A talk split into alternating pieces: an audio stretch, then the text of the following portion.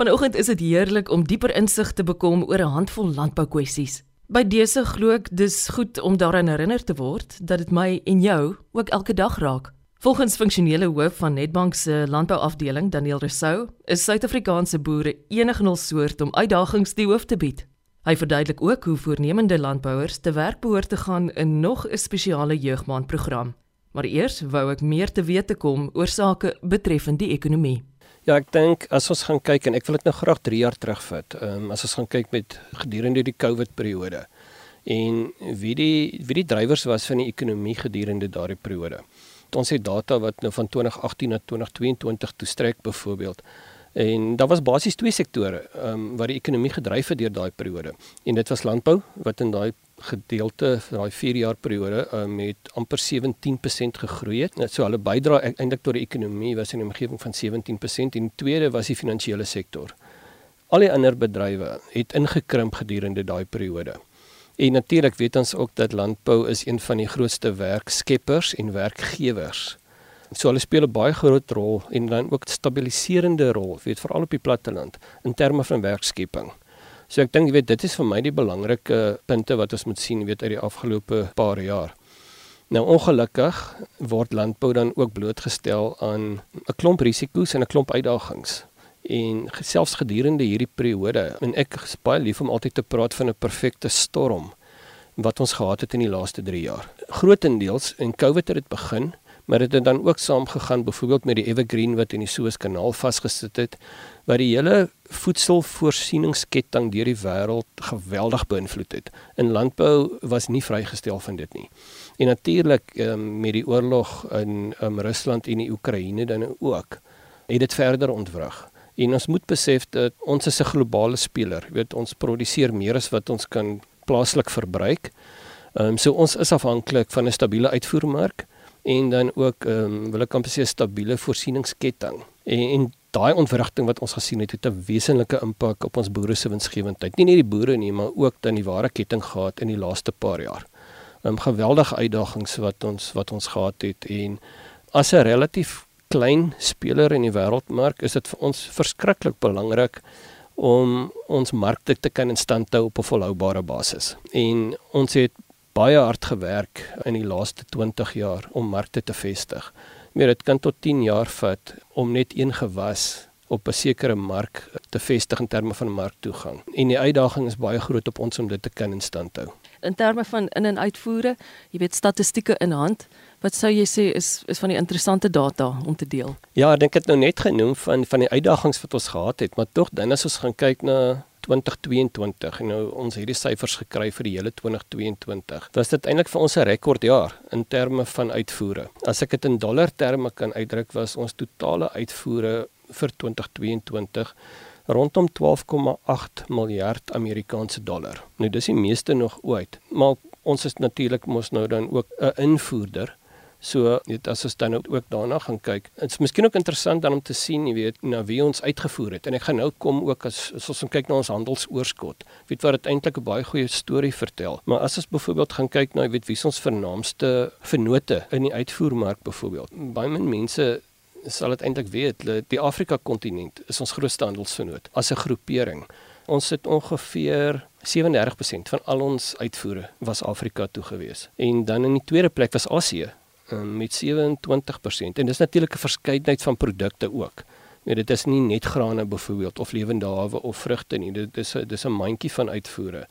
En dan in die derde plek was die Europese Unie wat 19% van ons totale uitvoere uitmaak. Nou dit het natuurlik ook sy eie uitdagings wat ons miskien bietjie later oor kan gesels in terme van van druk wat op Suid-Afrika geplaas word byvoorbeeld met sitrusuitvoere. En dan in die vierde plek is die Amerikas. Dit sluit nou Noord-Amerika, Kanada en, en Suid-Amerika in wat 7% van ons totale uitvoere verteenwoordig het. Nou baie interessant Amerika self is net 4%. Met ander woorde ons voer 4% van ons totale waarde na Amerika toe uit. En dan die oorblywende 10% wat ons net as jy nou jou sommetjies kan maak, gaan oor die res van die wêreld. En onder hierdie 10% um, val dan die Verenigde Koninkryk, Groot-Brittanje wat die grootste rolspeler in daai klas is. Ons praat baie van Suid-Afrika se verhoudinge dan ook met Amerika en met Rusland byvoorbeeld. Die afgelope 5 jaar het ons gemiddeld 2% van ons produkte in waarde uitgevoer na Rusland toe. So Rusland is eintlik 'n baie klein handelsvernoot van Suid-Afrika wat landbouuitvoere aanbetref. Maar dan natuurlik weet aan die invoerkant voer ons in die omgewing van net oor die 7 miljard se produkte in. Dit is 6% meer as die vorige jaar. En en dit het ons gesien natuurlik met prysverhogings ook. Um, as jy kan onthou, rys palmolies byvoorbeeld wat geweldige prysverhogings gesien het wat ons as verbruikers op die rakke gesien het. Koring, pluimvee en interessant whisky. Wat is te verstaan? Dit is redelik duur whisky seker wat ons invoer ook ja. En hierdie produkte kom dan hoofsaaklik uit Asië, die Europese Unie, Verenigde Koninkryk en dan ook die Amerikas. Nou, as ons nou daai sommetjie dan nou maak, jy weet ons vat ons ons uitvoere minus ons invoere was ons handelssurplus vir 2022 in die omgewing van 5,5 miljard Amerikaanse dollar. En dit is 'n baie goeie storie dink ek wat ons het om te vertel. Dit het nie noodwendig gepaard gegaan dat ons meer produkte uitgevoer het, maar ons het wel prysverhogings gesien in van die meeste van ons uitvoerprodukte. Maar ek dink dit is 'n baie goeie storie. Weer dit gaan nie altyd net sleg aan landbou nie. Die feit dat ons hierdie tipe van van bydrae kan lewer tot die tot die Suid-Afrikaanse ekonomie, dink ek is is 'n baie goeie storie. Wat is vir jou opvallend omtrent die sitrusbedryf? Ons het in die afgelope paar jaar geweldige uitbreiding gesien in veral hoë waarde um citrus cultivars. Um hoofsaaklik dan nou mandaryns, Engels wie die easy peelers en so aan. En veral in die noordelike provinsies. As ons nou gaan kyk na weet na ons samestelling van weet van ons citrus is dit um, ongeveer 25-30% in jong boorde, weet wat ons in die, in hierdie jaar en in die volgende paar jaar in drag moet kom. Wat natuurlik 'n druk plaas, weet op die hele waardeketting ook en dit sluit ook dan nou in die, die druk op infrastruktuur. Wat een van die grootste uitdagings is, weet vir 'n Suid-Afrikaanse uitvoerder is die toestand van ons paaie byvoorbeeld, die uitdagings wat ons het om die vrugte land uit te kry, met ander woorde hawens, weet die die toename wat ons dan nou sien in in volume in die volgende paar jaar. Weereens, jy weet dit kan negatief of positief gesien word. Weet uit 'n positiewe aspek is dit die werk wat ons kan skep en het ons dit gesien as ons nou um, die eerste kwartaal se data kyk, het die groei in werkskepping in landbou um, hoofsaaklik dan in die in die hoër waarde provinsies ook plaasgevind en dit gaan saam met uitvoere. Maar om terug te kom, weet na die sitrusmark toe byvoorbeeld daar is geweldig druk op hierdie stadium. Nou Suid-Afrika is die tweede grootste uitvoerder van sitrus in die wêreld. Nommer 1 is Spanje. Spanje. Maar ons voer baie van ons sitrus word wel uitgevoer na die Europese Unie toe, mm -hmm. ook na Spanje toe. En die druk wat ons dan van Spanje af gesien het deur die Europese Unie die laaste 2 jaar, veral in terme van valskotlimot. En die maatreëls wat ons dan moet tref, weet in terme van koue behandeling wat ons nie gerad was voor werklik gerad was voor om te kan doen nie. Dis 'n siekte, né? Nee. Ja, dit is 'n mot wat um, larwes maak byvoorbeeld wat wat hulle optel in weet binne in die mark.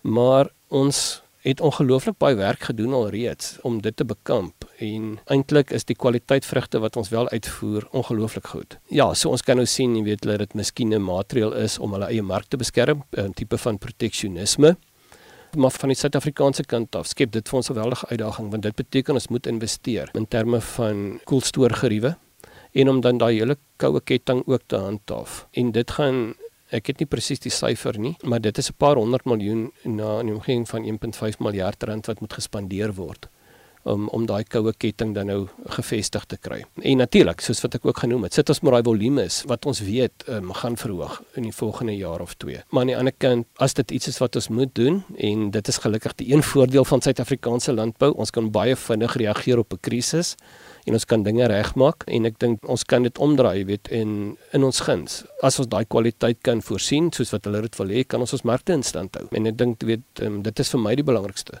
dat ons ons oorsese markte moet beskerm teen alle koste en in stand kan hou. Daniel, wat sou jou kommentaar wees oor hedendaagse handelsooreenkomste?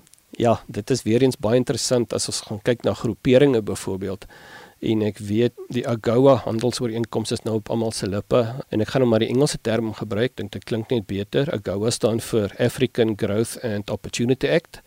En dit is ehm um, hier in vroeg 2000s is dit tot stand gebring om handel met Sub-Sahara Afrika te bevorder. So dis hoofsaaklik dis 'n vryhandelsooreenkoms wat um, Sub-Sahara Afrika die meeste lande neem deel in Sub-Sahara Afrika uh, met Amerika. Maar ek dink dit is belangrik om te noem dat nie alle produkte val onder die ooreenkoms nie. Landbou is wel deel daarvan. die meeste landbouprodukte ook. Sommige net um, interessant, um, ek gaan kyk en ek hoop my somme is korrek of naaste by korrek.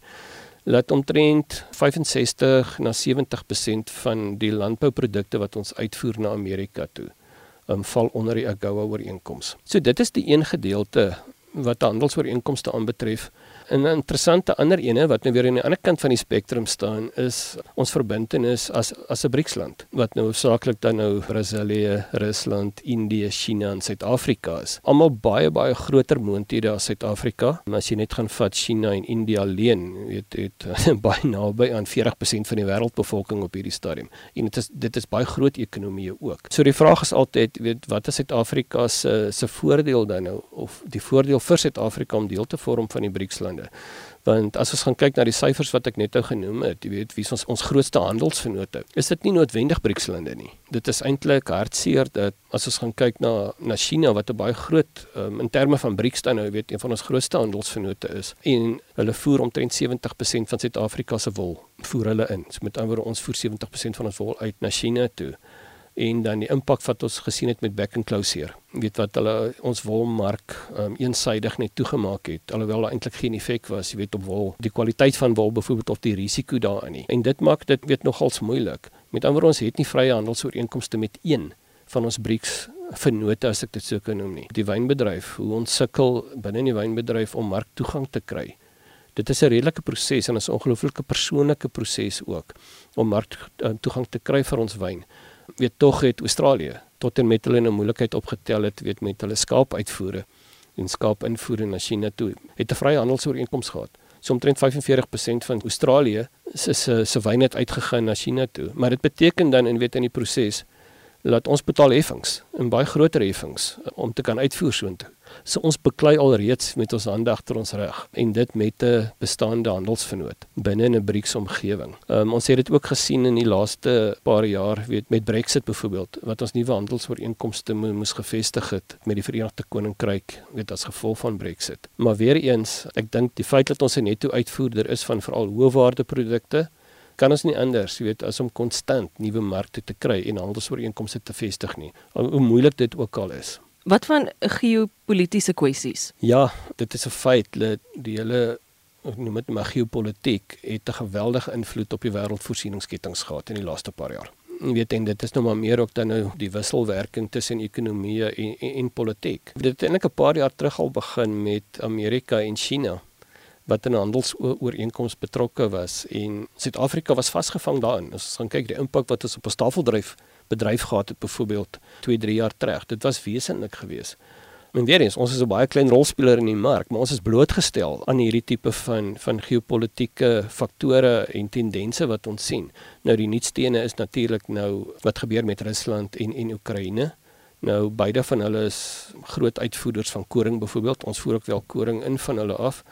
En hoe dit weet wat koringproduksie en verspreiding, weet hoe dit dit geraak het in die laaste paar jaar en wat die oorlog nou aan die gang is. Maar ons weet ook dat daar's altyd 'n mate van normalisering oor tyd.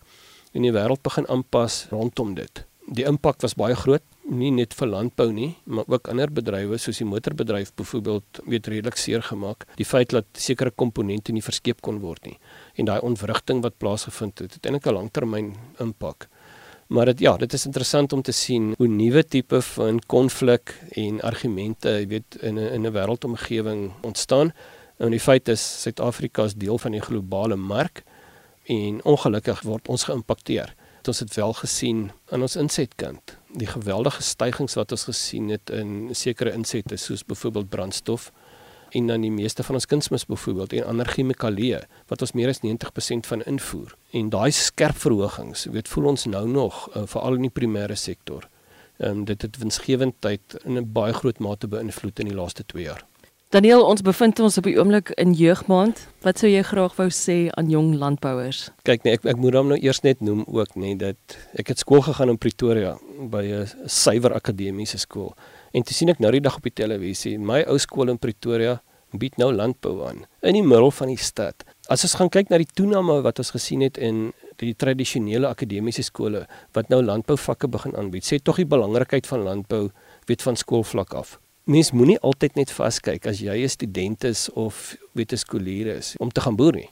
Daar is soveel geleenthede binne in die waardeketting. Nuwe geleenthede in terme van tegnologie ook byvoorbeeld. As jy gaan kyk na landbou se hele waardeketting. Dit is nou regtig van die insetkant af tot deur die produksiekant tot die produk by die verbruiker kom hoeveel geleenthede daar is vir die jeug om by landbou te kan betrokke raak.